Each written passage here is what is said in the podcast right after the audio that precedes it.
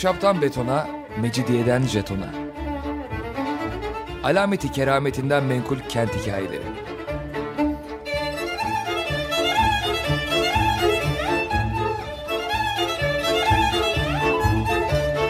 Hazırlayan ve sunan Pınar Erkan.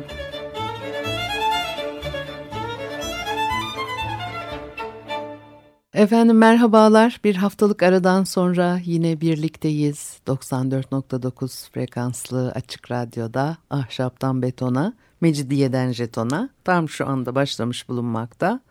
Anlatıcınız ben Pınar Erkan. Elektronik posta adresim pinarerkan.yahoo.co.uk Bakalım bugün programımızda neler var? Çok güzel bir şeyler var. Osmanlılar Konstantinopolis'te var mıydı? Bizans devrinde Bizanslılarla Osmanlılar arasında e, devam eden e, gündelik ilişkiler üzerine yapılmış çok fazla araştırma yok. Ayrı ayrı Bizanslılar ne yapıyormuş, Osmanlılar ne yapıyormuş. Fakat o e, ticaret ilişkileri, toplumsal ilişkiler o dönemde ne olmuş ne bitmiş çok fazla bilmiyoruz bunları. E, Nevra Necipoğlu'ndan bir parça aktaracağım size bugün. 14. yüzyılın sonunda Konstantinopolis'te Sultan 1. Bayezid'in isteği üzerine içinde cami bulunan bir Türk mahallesi kurulmuş. O tarihlerde e, Konstantinopolis'te bir ticaretle uğraşan Osmanlı tüccarları var. Gayet etkinler. O kadar ki sultan e, ticaret anlaşmazlıklarını çözsünler diye kent içinde bir e, kadı bulundurulmasını talep ediyor. Bizans İmparatoru da bunu kabul ediyor. İstanbul'un alınmasına daha 60 yıl var bu arada. 1396 e, tarihli e, Nibolu e, zaferinin arkasından Bayezid önce Konstantinopolis'in teslim olmasını aslında istiyor. Ama daha sonra Bizans hükümeti şehir içinde bir, cami inşa edilmesini hatta bir de kadı bulundurulmasını kabul edince barış imzalanıyor. Bir de vergi verecek e, yıllık 10 bin altın vergi de istemiş Bayezid. E, e, Göynük, Darakçı Yenicesi kalelerinde oturanların e, şehirde bir mahalleye yerleştirilmelerini işte öyle sağlıyor. Farklı kaynaklarda geçen bilgiler bunlar. Bir de üstüne yıllık 10 bin altın vergi e, alıyor. Aşık Paşazade, e, Lukas gibi kaynaklarda birbiriyle e, tutarlı bilgiler e, geçiyor böyle. E, tarihlerde bazı ufak tefek e, farklar olabiliyor. E, Konstantinopolis'te 1390'larda böyle bir Türk mahallesi kurulmuş. Fakat 1402 yılında Ankara Savaşı yapılıyor bu savaşta Türkler yeniliyor. Bizans İmparatoru da Türk mahallesinde oturan herkesi sınır dışı etmiş ve e, caminin yıkılmasını da emretmiş. Bundan sonra 1432 senesine kadar e, şehirde kadı bulunduğuna dair herhangi bir kayda rastlanmıyor. E, 1432'de e, Burgonyalı bir seyyah Konstantinopolis'i ziyaretiyle ilgili tabii e, verdiği bilgiler arasında Türk tüccarların davaları için başvurdukları bir kadıdan söz ediyor. Bu demek değildir ki bu kadar zaman içerisinde şehirde e, hiç Türk yok bir bağlantı yok. Hayır var ama tabii e, net biçimde e, kayıda geçmiş bilgilere baktığımız zaman e, kadı olmadığını ancak işte böyle bir seyyahın e, anlattıkları içerisinde geçen cümlelerden çıkarıyoruz. Biliyoruz ki işte 1432 tarihinde varmış bir e, kadı. E, Türkler e, sınır dışı edilmişseler de kentte faaliyetlerini ve varlıklarını sürdürüyorlar. 1416'da iki görgü tanığı Türklerin kente büyük sayılarda e, girdiğini e, belirtiyor. Türklerin bir kısmı şehirden geçip gidiyor. E, bazıları ise yerleşik olarak burada yaşıyorlarmış. Aradan iki yıl geçiyor. Bu sefer İmparator II. Manuel Venedik senatosunda yakınıyor. Venedikli tacirler Bizans devletine ödemeleri gereken e, gümrüklerden kurtulmak için Türk tüccarlarla işbirliği yapıyorlarmış. İkinci Manuel'in yakındığı şey bu.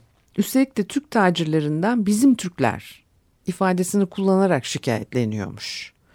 Bizim Türkler kim ki bunlar? Ya, ya e, Konstantinopolis'te yaşayanlar ya da e, Selanik, e, Kalamata veya e, Trakya'nın sahil kentlerinde yaşayanlar. Bizim Türkler. E, bu yerleri Osmanlı Ankara Savaşı'ndan sonra Bizans devletine geri vermişti. Fakat tabi oralarda oturmaya devam eden bir Türk nüfus varlığını sürdürüyor. Bizans tebaası sayılıyorlar artık. Ee, Osmanlı tüccarları yani Osmanlı tebaası olan Türk tüccarlarsa ticari işlerini Bizanslı tüccarlarla e, şehir içinden ziyade Üsküdar'da yürütüyorlar. Bunu da e, Rus Hacı Zosima'dan öğrenebiliyoruz. Konstantinopolis iki kere ziyaret etmiş. Biri 1419'da, diğeri 1422 yılında. Konstantinopolis'ten ve Pera'dan Bizanslı tüccarlarla Latinlerin Türklerle iş yapmak için Üsküdar'a geçtiklerini yazıyor. Demek ki Osmanlı tüccarlar e, şehre serbestçe giremiyorlardı. Ya Osmanlı yetkilileri tarafından ya da belki Bizans hükümeti tarafından engelleniyorlardı. Belki de iki tarafta mani oluyordu. Bununla ilgili net bir e, e kayıt bilmiyoruz henüz. Ama e, 1432'de işler değişmiş. E, Burgonyalı seyyahın şehir içinde Müslüman tüccarların sıkıntılarını çözen Müslüman bir yasa görevlisinin varlığından söz ettiğini söylemiştim demin. E, yıllar içinde engeller aşılmış, yani ortadan kalkmış ve Türkler e, şehir içinde daha rahat hareket edebilir olmuşlar. Sadece bu da değil, davalarını çözebilsinler diye bir e, kadı bile var artık. E, bu bilgiler de e, teyit ediliyor. Bu sefer Venedikli tacir Giacomo Badoer'in hesap defterlerinde kayıtlar buluyoruz. 1436 ile 1440 yılları arasında Konstantinopolis'te iş yapıyor Badoer. O sırada 12 kadar Türk tüccarıyla alışveriş yaptığı anlaşılıyor. Tacirlerin adlarını söyleyebilirim. Ali Basa Türko bir tanesi. Hoca Ali Türko. Ahmet Türko di Likomidia. Aziz Türko. İsmail Türko. Hoca İse Türko. Cesya Türko. Hacı Musi Türko, Mustafa Türko, Ramadan Disimiso, Hacı Rastan Türko, Saliye Türko gidiyor bunlar. Adı geçmeyen üç Türk daha var e, defterlerde kayıtlı. E, bu Türk tüccar abiler e, bal mumu, kuru üzüm, deri, yün, keten kumaş ticareti yapıyorlar. E, sayıları çok gibi görünüyor bana. Fakat e, yani e, yaptıkları ticaret o kadar büyük boyutlu değil. 12 tüccar sadece Badoer'in iş yaptığı e, kendi defterlerinde kayıt altına alınmış. E, şehirde başka bir sürü Venedikli tüccar olduğuna göre bu sayı kaça çıkar? tahmin edemiyoruz ama. E, elimizdeki bilgi bir tek Venedikli tüccarın iş ilişkileriyle ilgili. Elimizdeki bir diğer bilgi bu 12 Türk tüccardan ikisinin ayrıca Bizanslı tüccarlarla da iş yaptığı. İki şehirli tüccar, biri Sopianos, diğeri de Sarantenos yapılan alışverişlerin e, ödemelerini gösteren belgeler var. Eğer adları doğru telaffuz edemiyorsam lütfen bağışlayın beni. Elbette ki e, e, doğru telaffuz edemiyorumdur. E, şimdi çok enteresan bir yere geldik. E, 12 tüccar içinden biri dikkat çekici. Ali Basa adındaki tüccara odaklanacağız biraz. Ali Basa adındaki tüccar aslında Çandarlı Halil Paşa'dan başkası değilmiş. Cemal Kafadar belgeleriyle kanıtladı bunu. Ee, çok önemli e, kanıtlar ve belgeler bunlar. Ee, Çandarlı Halil Paşa'nın e, Konstantinopolis'teki ticaret işlerine karışmış olması. E, İstanbul'un alınmasından sonra e, fethe karşı çıktığı için asılmıştı biliyorsunuz. Osmanlı tarihinde idam ettirilen ilk e, sadrazamdır. Çandarlı ailesi kuruluşundan başlayarak Osmanlı Devlet yönetiminde son derece etkili bir aileydi. Çandarlı Halil Paşa 2. Mehmet'in başa geçmesini de geciktirmek için uğraşmıştır. Zanos Mehmet Paşa 2. Mehmet'in e, hocası öğrencisi olan padişah özellikle Bizans'a karşı daha atak davranması e, konusunda e, tavsiyelerde bulunuyor. E, Çandarlı Halil Paşa da bunları hiç beğenmiyor. Bizans'a karşı daha ılımlı davranılması gerektiğini düşünüyor.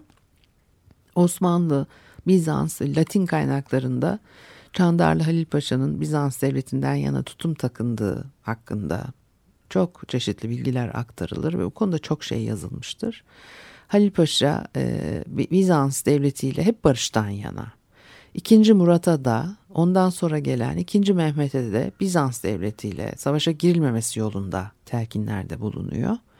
Kaynaklardan biri Düka ve orada yazdığına göre Osmanlı karşıtları arasında Halil Paşa'yı bir tabirle adlandırıyorlar. Bu tabiri söylemeyeceğim. Fakat Düka bu tabiri Yunanca'ya Yunanlıların arkadaşı ya da yardımcısı olarak tercüme etmiştir. Halil Paşa'nın Bizans devletinden e, rüşvet ve hediyeler kabul etme eğiliminde olduğu aktarılır. Şimdi öğreniyoruz ki Badoer'in iş ilişkileri içinde bulunduğu isimlerden biri Çandarlı Halil Paşa'ymış. Ferrara Floransa konseyinden hemen önce 2. Murat'ı ikna ederek Konstantinopolis'e bir saldırı düzenlenmesinden e, vazgeçiriyor. Badoer'in kayıtlarına göre 1439 ile 1440 yılları arasında Türk tüccarlar yani böyle ortadan yok oluyorlar neredeyse. Çünkü tam bu sırada işte Floransa'da Katolik kilise ile Ortodoks kilise anlaşmaya varmış. Kısa sürmüştür bu birlik, beraberlik fakat ya o tarafta bir anlaşmaya varıldığı esnada Türklerle ilişkilerin gevşediğini, soğuduğunu, ticaret ilişkilerinin de zayıfladığını, e, hatta neredeyse ortadan kalktığını e, görüyoruz. E, Bizans-Osmanlı e, diplomatik ilişkilerinde kopuş, ticareti de etkiliyor e, elbette. E, bir müzik arası verelim, ondan sonra devam edelim.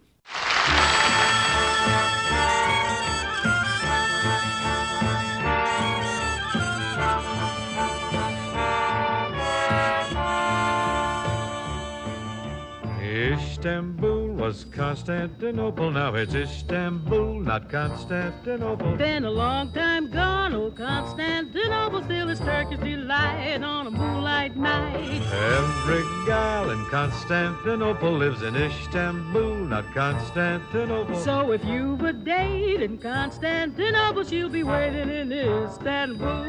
Even old New York was once New Amsterdam.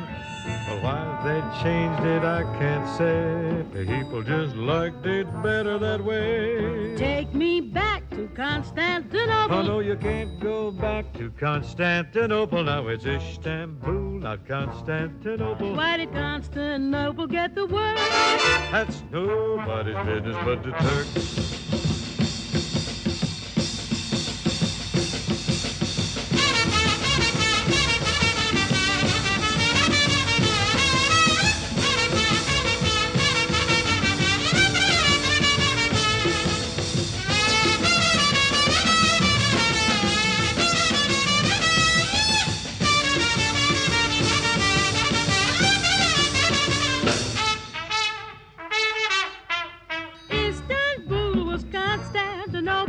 It's Istanbul, not Constantinople. Been a long time gone, old Constantinople. Still it's Turkish delight on a moonlight night. Every gal in Constantinople lives in Istanbul, not Constantinople. So if you've a date in Constantinople, she'll be waiting in Istanbul.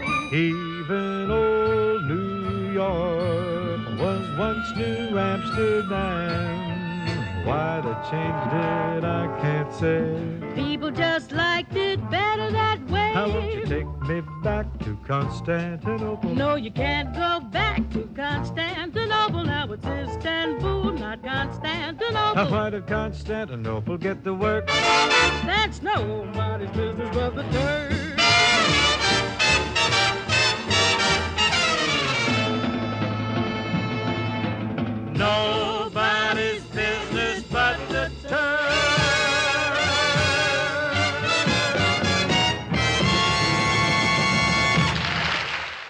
Efendim Açık Radyo'da Ahşaptan Betona, Mecidiyeden Jeton'a devam ediyor.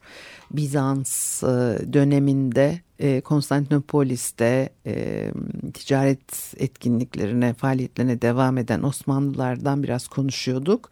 Ve bunların içerisinde bir Venedikli tacirle iş yapan 12 Osmanlı Türk tüccarından söz ettim. Bunların içerisinde Ali Basa Türko dikkat çekiyor ve onun da e, Cemal Kafadar tarafından işte bulunan belgelerde Çandarlı Halil Paşa olduğu anlaşılmış.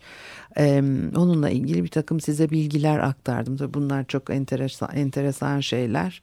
E, çok uzun yıllar boyunca Çandarlı Halil Paşa ihanet etti mi? Bizans'tan yana mıydı değil miydi? E, gerçekten balıkların içerisinde e, altınlar e, hediye gelmiş mi? Bunları kabul etmiş mi? Ne niyetle yapmış e, bu işleri filan diye e, konuşmalar e, yapılıyordu. Şimdi ama tabii ondan sonra öyle veya böyle 2. Mehmet e, İstanbul'u aldıktan sonra Candarlı Halil Paşa'yı da idam etti. O çok önemli bir şey. E, Osmanlı yönetim biçiminde bir dönüm noktasıdır o. Köklü Türkmen ailelerinden gelen paşalar devri son buluyor. Bundan sonra devşirmelerin giderek daha etkili ve etkin oldukları görülür tamamen bir e, farklı yaklaşım, e, bir sapma söz konusu. E, tabii o ayrı bir konu. E, Badoer'in e, ticaret yaptığı isimlerden bir diğeri Hoca ise Türko'nun oğlu Kir Yakup. E, burada da bir gizem var. Çünkü Badoer e, o saate kadar Osmanlı Müslüman müşterilerinden hep hacı falanca, hoca filanca diye e, söz ederken Burada karşımıza Kir Yakup çıktı şimdi. Bir Osmanlı tüccarın oğlu için Kir Yakup hitabını kullanıyor. Nevra Necipoğlu Hoca ise Türko'nun Osmanlı tebaasına geçen ve Müslümanlığı kabul eden bir kişi olma ihtimalinin yüksek olduğunu söyler. Oğlu Kir Yakup ise e, muhtemelen Hristiyan e, kaldı. O nedenle de adının önünde Yunanca Kir ünvanı bulunuyor. O da öyle o şekilde kalmış. Şimdi Osmanlı toplumuna kabul edilmek için Müslüman olmak gibi bir koşul yok tabii ki. Osmanlı yönetimi altında babası Müslümanlığı benimsemiş olsa da oğlu Hristiyan kalabiliyordu demek ki. 15. E, yüzyılda başka örnek var e, bu durumu anlatan. E, Teselya'da tımar sahibi iki kardeş. Birinin adı Mustafa, diğerinin adı Petros. Bu isimler Osmanlı'nın Teselli'yi fethetmesinden yaklaşık 60 yıl sonrasına ait. 1455 e, tarihli bir defterde geçiyor bu isimler. Dolayısıyla orada da muhtemelen bir e, din değiştirme durumu söz konusu ki kardeşten biri değiştirmiş öbürü değiştirmemiş ama işte e, birlikte e, iş yapmaya ve çalışmaya ve devam ediyorlar. Kir Yakup'un da belki babası yani Kir Yakup da belki e, Müslüman olmuştu babası gibi fakat ünvanını da korumuş olabilir. O da bir ihtimal. E, belki de e, Bizans devletinde yürüttüğü işleri sırasında Kir ünvanını e, kullanıyordu. Bu tür uygulamalara da e, rastlanabiliyor e, Osmanlı'da. Osmanlı tebaasına geçmiş Bizanslılar önceki isimlerini koruyabiliyorlar. Örneğin Süleyman Agalianos Mustafa bin Katakuzinos veya Mehmet bin Rozoto. Bunlar hep e, belgelerde geçen ve tarihte geçen isimler. Bir zamanlar Katakuzinos'un oğlu e, Andronikosken Katakuzinos'un oğlu Mustafa'ya dönüşmüş isim belgelere göre. Hem bu tür isimlere Badoer'in hesap defterinde de rastlamak mümkün. Osmanlı yönetimi altındaki e, bölgelerden ticaret yapmak için sık sık Konstantinopolis'e gelen çok sayıda Yunanlı adı kayıtlı defterde. Önemli verilerdir bunlar. E, baksanıza yani Kir Yakup demiş, şundan dolayı mı demiş, bundan dolayı mı demiş ve hani bir, bir takım yorumlar yaparak o döneme ait e, ihtimalleri e, gözden geçirerek bir değerlendirme e, yapmaya çalışılıyor ve tabii ki bir takım sonuçlara da bu şekilde varmak mümkün e, Bizans başkenti ile Osmanlı arasında canlı bir ticaret trafiği olduğu çok açık. Sadece o da değil Osmanlı egemenliği altında yaşayan Bizanslılara açık imkanlar söz konusu. Hatta Bizanslıların e, Osmanlılarla bu kadar ticaret yapması Venedik'i son derece rahatsız ediyor ve önlemler almaya çalışmışlar e, kendilerince. Nedir o önlemler? 1430 senesinde Venedik Senatosu Konstantinopolis'in Türkiye ile yaptığı ticareti iki bölge arasında e, e, ticari mal taşıyan teknelere el koyarak engellemeye çalışıyor. E, belli ki bu çabalar hiçbir sonuç vermemiş. 1436 e, yılına ait belgeler var. O belgelerde e, Edirneli, Samsunlu, Tekirdağlı vesaire e, Yunanların şehirle ticaret yürüttüklerini e, görüyoruz. Ve bu şehirler e, Osmanlı egemenliği altında hep. 1402 yılındaki Ankara Savaşı'nın e, kaybedilmesinin ardından Bizans İmparatoru işte e, Türkleri Konstantinopolis'ten atmıştı. Camilerini de yıktırmıştı ama yıllar içinde durumların değiştiği e, ortada. 15. yüzyılın ilk yarısında arada e, bazı kesintiler olmasına karşın Türklerin e, Bizans İstanbul'unda etkili biçimde ticaretle uğraştıklarını anlaşılıyor. 1424 yılında yapılmış olan bir, bir Bizans-Osmanlı e, barış antlaşması var onu unutmamak lazım. Ankara Savaşı'nın üzerinden 20 yıl geçmesiyle birlikte 2. Murat Bizans üzerinde e, ciddi bir baskı e, kuruyor. Anlaşma da öyle imzalanıyor zaten. Ankara Savaşı'ndan sonra Osmanlılardan e, geri alınan toprakların çoğu yine Osmanlılara e, veriliyor. Üstelik yeniden haraç ödemeye de başlamış Bizans devleti. Yani Osmanlı Sultanı'nın e, vasalı e, konumundalar tekrar. 1443 yılında e, 2. Murat'ın Karamanlılara karşı yaptığı bir Anadolu e, seferi var. Bu seferin arkasından e, Osmanlı ordusundan bir grup asker ganimet alıyorlar bu seferlerden sonra. Ganimet olarak aldıkları hayvanları satmak için Konstantinopolis'e geliyorlar. Bu askerler Osmanlı Devleti'nin işte Avrupa tarafındaki topraklarda yaşayan Tatarlarmış. Müslüman Tatarlar. E, orduda asker olarak işte sefe, sefere katılıyorlar ve Anadolu'dan Avrupa'daki evlerine dönerken de Yolda biraz para kazanmak istemişler. Ee, sadece profesyonel tacirler değil böyle ganimetlerini satıp para kazanmaya çalışanlar da var. Zaten Osmanlı askeri içinde böyle sınıflandırmalar var. O e, asker sınıfları içerisinde tüccarlar da var. E, veya işte bu tür imkanlardan e, faydalanmaya çalışan askerlerin de olduğunu görüyoruz. Daha enteresan bir başka bilgi Osmanlı e, parasının Konstantinopolis'te yaygın biçimde kullanılıyor olması. Tüccar defterlerinde ödemeler listelenirken Osmanlı parasının sürekli e, geçtiğini görüyoruz. Yani o işte paranın düzenli kullanıldığının bir göstergesi o zaman bu. Ayrıca 1453'te şehir e, alındıktan sonra şehirden kaçan Bizanslardan bazılarının ceplerinde Osmanlı akçesi varmış. Bunun nedeni de işte böylece tabii açıklığa kavuşmuş oluyor.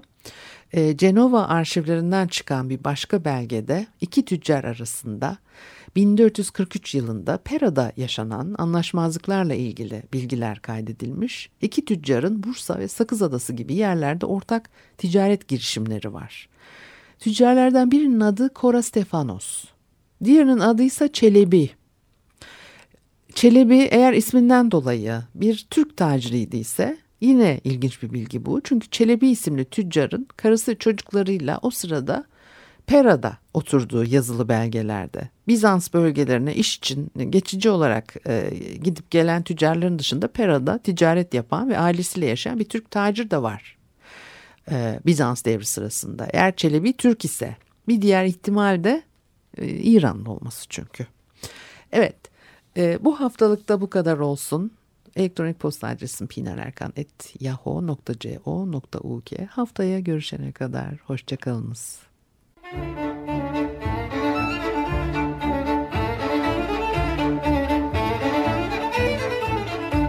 Ahşaptan betona, mecidiyeden jetona. Alameti kerametinden menkul kent hikayeleri.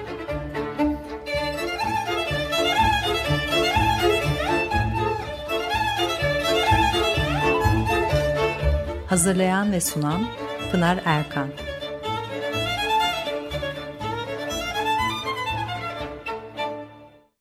Açık Radyo program destekçisi olun. Bir veya daha fazla programa destek olmak için 212 alan koduyla 343 41 41